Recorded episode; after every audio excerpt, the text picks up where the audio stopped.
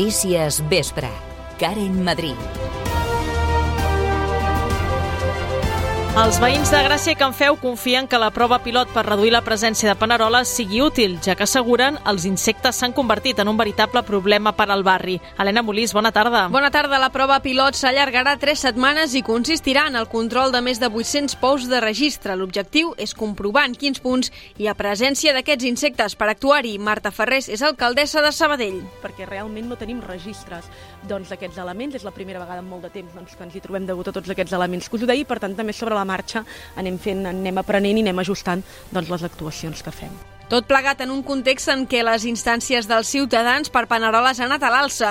Fins aquest divendres se n'han rebut 1.500, 300 més que les registrades en tot l'any passat. El president de la Federació Catalana de Futbol, el sabadellenc Joan Sotera, s'assuma les reclamacions de dimissió contra Luis Rubiales. Tot i que inicialment no estava d'acord amb aquesta renúncia, finalment s'hi ha posicionat a favor, alegant que la polèmica derivada del petó no forçat a Jennifer Hermoso ha perjudicat el món del futbol. I en esports, el Sabadell encara demà la recta la semifinal territorial de la Copa Federació al camp d'esports de Lleida. Els arlequinats afronten el xoc com una oportunitat de refer-se de la derrota d'aquest diumenge al debut a Lliga contra l'Irun. Aquestes i altres notícies es repassem en els pròxims minuts amb el Toni González a les vies de so. Notícies Vespre. Tota la informació a Ràdio Sabadell.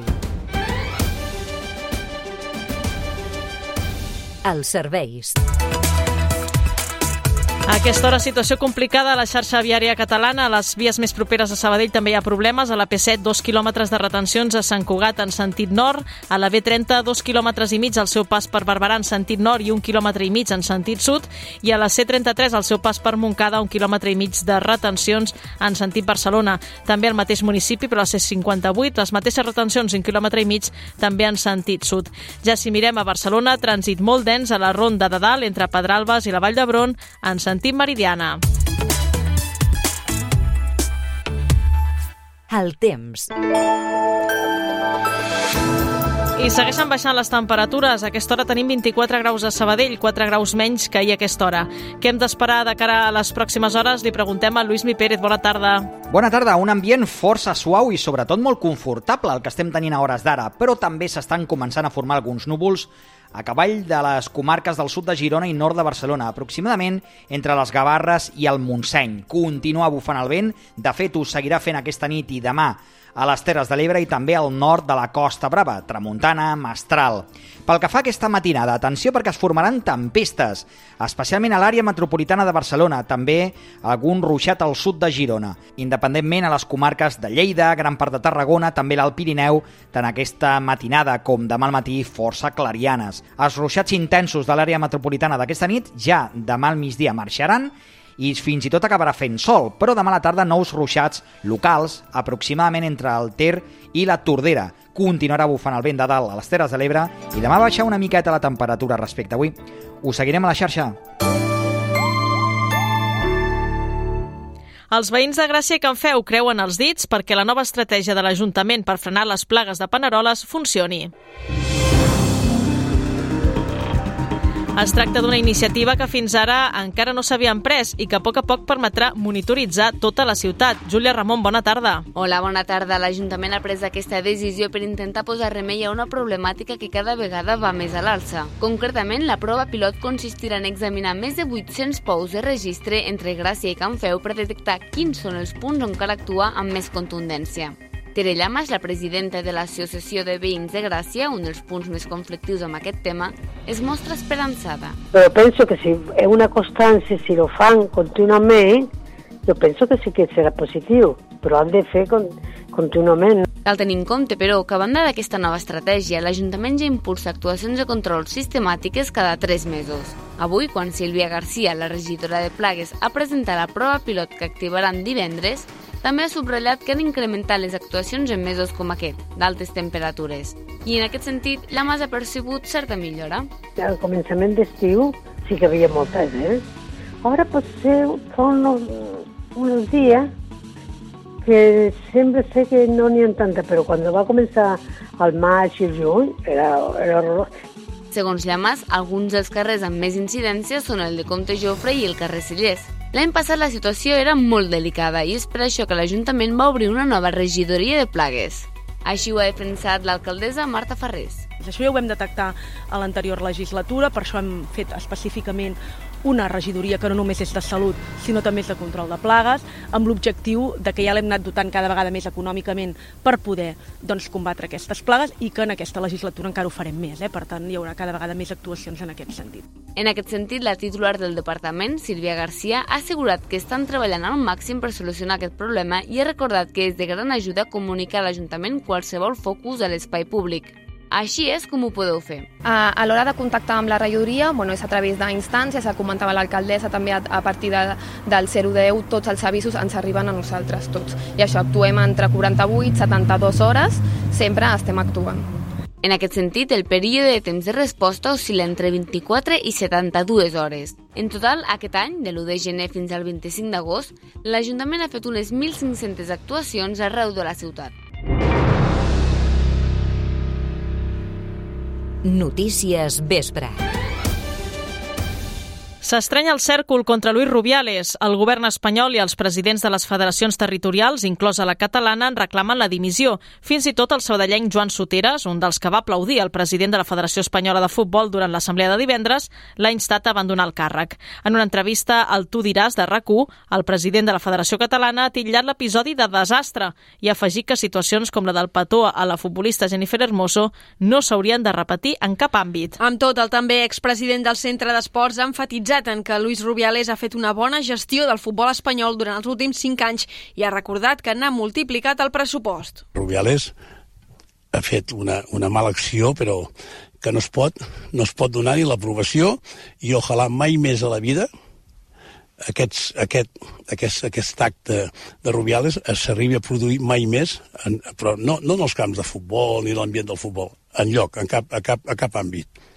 Però si Rubiales hem de pensar el que ha fet pel futbol espanyol en 5 anys, ha multiplicat el pressupost quatre vegades. Hem passat de 130 milions a 400 milions d'euros, el qual s'ha beneficiat el futbol modest, que és aquest el nostre futbol, el modest. No el futbol de primera i segona divisió, no, el futbol modest. Soteres també ha descartat substituir-lo al capdavant de la Federació Espanyola i ha mostrat el seu suport al president interí Pedro Rocha, a qui les comissions territorials demanen que obri una nova etapa dins de la institució. Les explicacions de Soteres, però, no han convençut el govern de la Generalitat. Que opina que el sabadellenc no és la persona més adient per presidir la Federació Catalana de Futbol. Patricia Plaja és la portaveu de l'executiu català. No hi ha marge per les ambigüetats. No podem mirar a un altre costat quan som conscients de que hi ha dones que estan sent incomodades, assetjades o fins i tot agredides. No voler reconèixer la gravetat dels fets, no dir ja n'hi ha prou, fins aquí, ens converteix en còmplices. I des del govern espanyol, el ministre de Cultura i Esports en funcions, Miquel Iceta, ha rebut bé la declaració de Rocha de fer una remodelació profunda de l'entitat arran del cas Rubiales. Sobre les gestions del govern espanyol per fer-lo fora, Iceta confia que el Tribunal Administratiu de l'Esport admeti a tràmit la denúncia del Consell Superior de l'Esport contra Rubiales. És imprescindible perquè l'executiu el pugui suspendre. Alhora ha respost les crítiques per la tardança amb què ha actuat el govern espanyol en aquest cas. Resulta que el viernes por la mañana se celebra esa asamblea y no hay una respuesta. Y el viernes por la tarde el gobierno presenta una denuncia ante el Tribunal Administrativo del Deporte. El lunes el tribunal se reúne, pide una ampliación de información y el mismo martes por la mañana el gobierno la proporciona. A l'espera de la ¿Hay decisió... lentitud? A l'espera de la decisió definitiva, la Federació Espanyola de Futbol ha pres noves mesures contra Luis Rubiales. L'ha deixat sense sou ni cotxe oficial en aplicació de la suspensió provisional de 3 mesos que li ha aplicat la FIFA. Les mesures també contemplen que lliuri els dispositius electrònics propietats de la Federació, com per exemple el seu mòbil i l'ordinador. De moment, Rubiales deixarà de percebre la part proporcional dels 621.000 euros anuals que cobra com a president de la Federació Espanyola i també com a dirigent de la UEFA. També deixa de percebre els 3.000 euros mensuals per al lloguer del pis que rebia de la federació. La cursa solidària Race for Life tornarà el 15 d'octubre. Un colliga impulsa la segona edició de la proposta amb una fita ambiciosa, passar dels 1.200 participants de la primera edició als 1.700. Tot plegat per finançar els programes d'atenció a persones amb càncer que l'ONG té a Sabadell i a la comarca. Pau Duran, bona tarda. Bona tarda, Karen. Sobretot calen recursos per finançar el programa d'atenció domiciliària, que també és un dels més demandats. La presidenta d'Oncolliga, Isabel Rojas, ha explicat en què consisteix. Són persones que estan en domicilio, que están en la cama, que no se pueden hacer el aseo. Entonces, claro, tiene que ir, tenemos personas preparadas para hacer este servicio que van a domicilio y bueno, y le hacen todo el servicio que sea necesario, ¿no? Eh, en principio se va un día, dos o la semana. Necesitaríamos tener más, más personal para poder acceder a más personas, porque claro, es un servicio que, que tiene un coste, ¿no? Bastante importante. Ara mateix un centenar de persones reben atenció domiciliària finançada per Oncolliga i realitzada per personal especialitzat. A més, acaba sent imprescindible pels col·lectius més vulnerables. Es un servicio gratuito porque, claro, el problema es que hay muchas personas que, que piden este servicio que no pueden pagarlo, porque supongo que habrá compañías o empresas que lo hacen. Pero claro, si no lo puedes pagar, pues vienen todos a Oncolliga a, a que le hagas el servicio. La Race for Life tindrà un itinerari de 5 quilòmetres amb sortida i arribada al carrer Pi Margall. En tractar-se d'una cursa solidària està pensada per participar-hi tant corrent com caminant amb amics o familiars. De fet, ja en la primera edició es van registrar molts participants, encara que en tractament oncològic. El barri de Canoriac està de dol. Aquest dilluns ha mort als 90 anys Alfonso Martí, històric del barri i propietari del bar La Parada. A fi a l'Hermandat Virgen de la Fuensanta, Martí és recordat com un home bo i humil. El president de l'Hermandat, Antonio Padilla, ha explicat a Ràdio Sabadell que Alfonso Martí va ser un dels primers emigrants murcians en arribar a Sabadell. De fet, Martí va ser un dels encarregats en portar la verge de l'Hermandat fins a Sabadell. Y fueron yendo por las casas haciendo también eh, actos solidarios para que para que pudiéramos traer la Virgen y todo, y el hombre pues eh, fue uno de los que, eh, que siempre estaba dispuesto a colaborar en todo. Fa un parell de mesos, des de la mateixa hermandat, van fer un homenatge Martí per agrair-li en vida la feina feta per la comunitat. Se puso a llorar y todo muy bonito, porque claro, eh, le hicimos una entrevista que explicara un poco, eh, pues un poco la historia de Canarias y la historia de, de lo que es eh, la Virgen y todo, estuvo explicando, él y dos, y dos parejas más que fueron de los más antiguos, y bueno, pues se emocionó cuando en la iglesia pues le dimos un detalle, eh, y lo que yo les dije claramente es que son historia viva de nuestro barrio. El mateix Antonio Padilla recorda Martí com un home bo amb el qui sempre es podia confiar i sempre disposat a ajudar. Ràdio Sabadell. Notícies. Ja hi ha temàtica oficial pel Correbars de Festa Major. Es tracta de la cultura punk.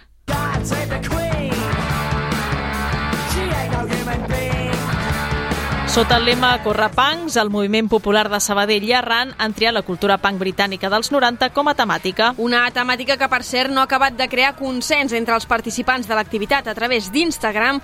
Alguns sabadellencs demanaven canviar la temàtica i, de fet, hi ha un grup que s'ha organitzat per proposar una alternativa. Stop playing with them, Riot. And I'm Barbie. I'm a doll, but I still wanna party. Pink felt like I'm ready to bend. I'm a 10, so I pull in a can. Like, Sota el nom Corre Barbies, un grup anònim de sabadellencs han decidit impulsar la temàtica Barbie pel Correbars de dissabte. La proposta ha estat acceptada per la gran majoria de seguidors que aproven així la proposta de portar algun ítem relacionat amb la pel·lícula homònima d'aquest estiu. Des d'aquest Instagram també remarquen que només proposen alternativa a la temàtica, defensant que el recorregut i l'organització la continua portant el moviment popular de Sabadell i Arran.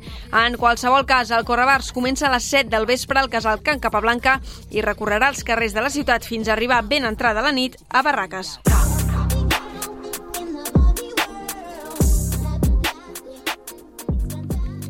La sabadellenca Mercè Martínez és una de les protagonistes de la Noche de los Muertos Vivientes Live, l'obra de teatre basada en el film clàssic de George A. Romero de 1968.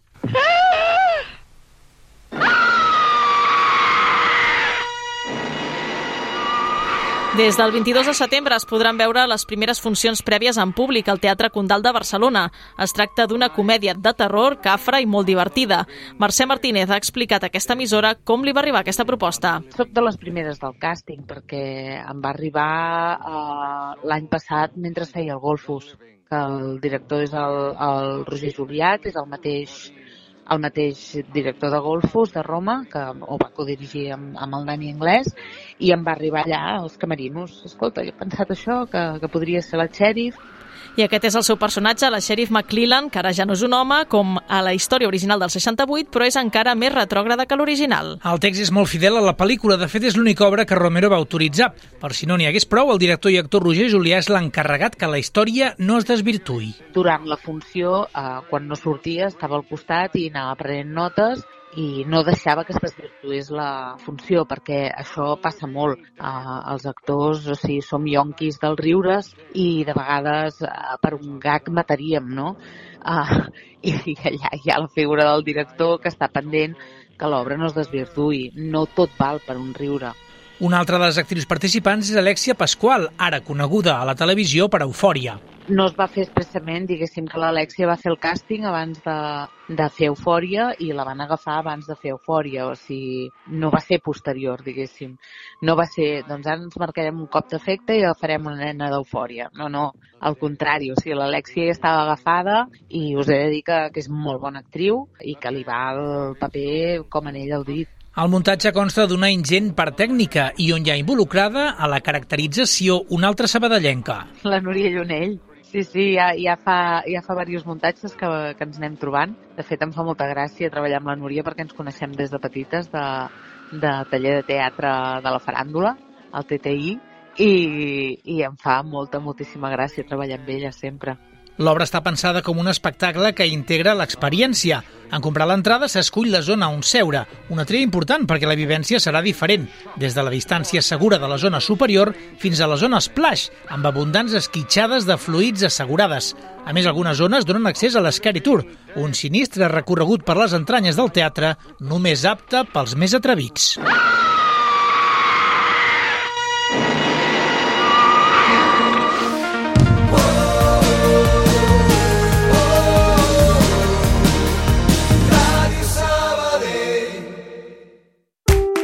Residència i Centre de Dia Ciutat de Sabadell. Més de 40 anys d'experiència donant suport al projecte de vida de les persones grans.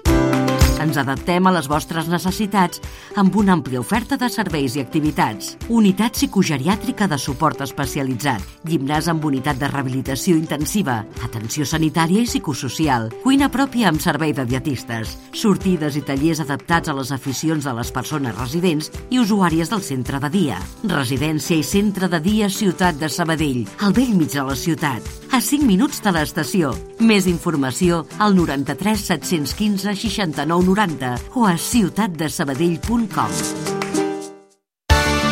Gemsa Gabinet Empresarial, el teu assessor fiscal, laboral i comptable, et desitja bona festa major. Ràdio Sabadell. Notícies vespre. Fora de Sabadell i la comarca. La portaveu en funcions del govern espanyol Isabel Rodríguez acusa Feijó de mentir i fer perdre el temps als ciutadans amb una investidura abocada al fracàs. Rodríguez recorda que el líder popular ha d'aconseguir més de 172 diputats per aconseguir la investidura, un fet que considera impossible. Tot i això, assegura que Pedro Sánchez assumeix amb respecte institucional la reunió de demà amb Feijó. El PP demana al PSOE respecte per la investidura de Feijó. Així ho ha expressat el vicepresident primer del Senat, Javier Maroto.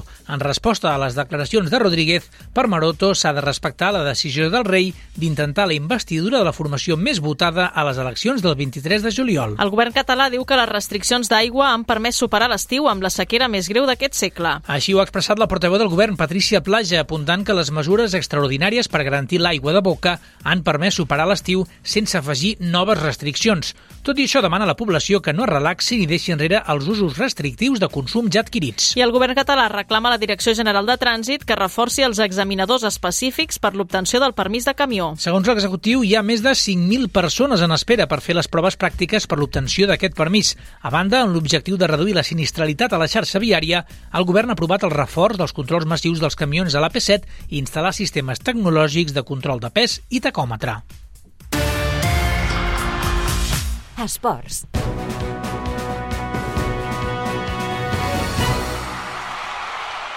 El Centre d'Esport Sabadell buscarà demà refer-se de la derrota al debut en Lliga de diumenge. Oriol Ferran, bona tarda. Bona tarda, Karen. Ho farà la Copa Federació. Així és, el Sabadell s'enfrontarà demà a la semifinal territorial de la Copa Federació, una competició que no juga des del 2019, en què l'equip va quedar eliminat als penals contra el jove espanyol valencià.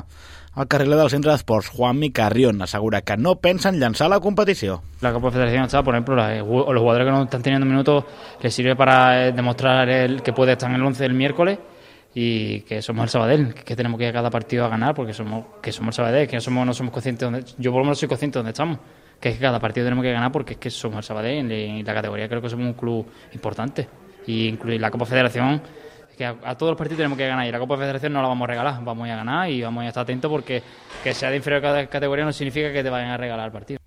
El debut a la semifinal autonòmica serà demà a les 8 al Camp d'Esports de Lleida, en directe a Ràdio Sabadell. Els arlequinats que ho vulguin poden retirar entrades pel partit amb un preu de 10 euros a les mateixes taquilles del Camp d'Esports. Encara al centre d'esports, René Uller no continuarà al capdavant de l'equip femení. Així ho ha comunicat el club aquest migdia. Uller, que va assumir el càrrec fa tot just dos mesos, plega ara, segons diu el comunicat, per motius personals. El centre d'esports, però, ja li ha trobat substitut, Carlos Martínez. El nou tècnic assegura que l'objectiu de l'equip continua sent l'ascens preferent.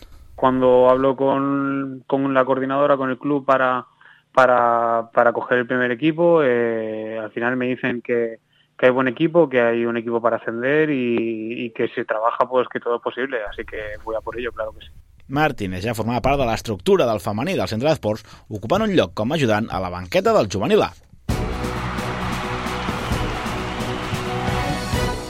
En ciclisme, a la Volta a Espanya, avui s'ha disputat l'última etapa per terres catalanes. La jornada d'avui ha arrencat a Andorra la Vella i ha acabat 185 quilòmetres després a Tarragona. El vencedor de l'etapa, marcada per una caiguda al gran grup quan faltaven 4 quilòmetres pel final, ha sigut l'australià Caden Groups. El sabadell David de la Cruz ha passat per línia de meta a 10 segons de grups i se situa a la 19a posició a la general a 1 minut i 20 segons del mallot vermell Remco Evenpool. L'etapa de demà de mitja muntanya arrencarà a Morella i acabarà a Borriana. I acabem parlant de volei platja perquè el jugador i entrenador de vòlei platja del Club Natació Sabadell, Sergi Ranyer, s'ha proclamat campió del Vichy Català en vòlei tour. Ranyer, juntament amb el seu company Òscar Jiménez, es van imposar a la final a la parella formada per Ferran Serra i Eric Estalella, una final que, com la resta de la prova, es va disputar, disputar en unes condicions meteorològiques força adverses i fins i tot es va plantejar anul·lar-se. Ranyer ho explica així no hi havia ni podi, va, va volar tot, es va trencar tot en el moment de, sobretot que va haver l'huracan aquell que ens van comentar, i al final vam guanyar i vam marxar perquè estava caient una, una trombada important. Llavors, al final, és que no va haver-hi res. O sigui, al final del partit ens vam donar l'alarma amb l'àrbit i ens vam anar cap a, cap a la zona on ens podíem quedar recollits i que no ens donés la pluja. La parella havia de viatjar a Fuengirola per disputar el Campionat d'Espanya, però finalment no ho farà, ja que Ranyer arrossega una lesió al genoll que l'obliga a posar punt final a la temporada. El sabadellenc lamenta haver de posar fi a l'any de competició, però assegura que està content d'haver-lo acabat en victòria. Per desgràcia, el meu any s'ha acabat, eh, no, no, no tornaré a jugar fins d'aquí uns quants mesos perquè necessito parar i, i ficar-me fora de la cama. L'Òscar sí que participarà, així que desitjar-li la millor de les sorts al meu company segur que, que li anirà genial. I res, ara a mi em toca això, descansar, al final hem tingut l'any de la millor manera possible, content perquè ha sigut amb la meva família pròpia aquí, però bueno, ara és el que em toca, així que intentar ficar-me, recuperar-me l'abans possible. La parella Renya Jiménez posa punt final a la primera temporada competint plegats, on han aconseguit el títol de campions de Catalunya i on s'han penjat la medalla de plata de la Copa del Rei. Gràcies, Oriol. Bona tarda. Bona tarda.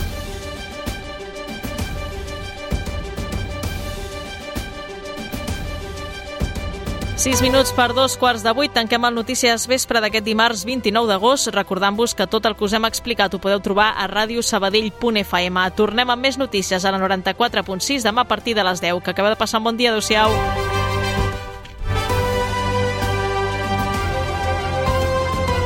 Allà on siguis, escolta'ns online. En directe.radiosabadell.fm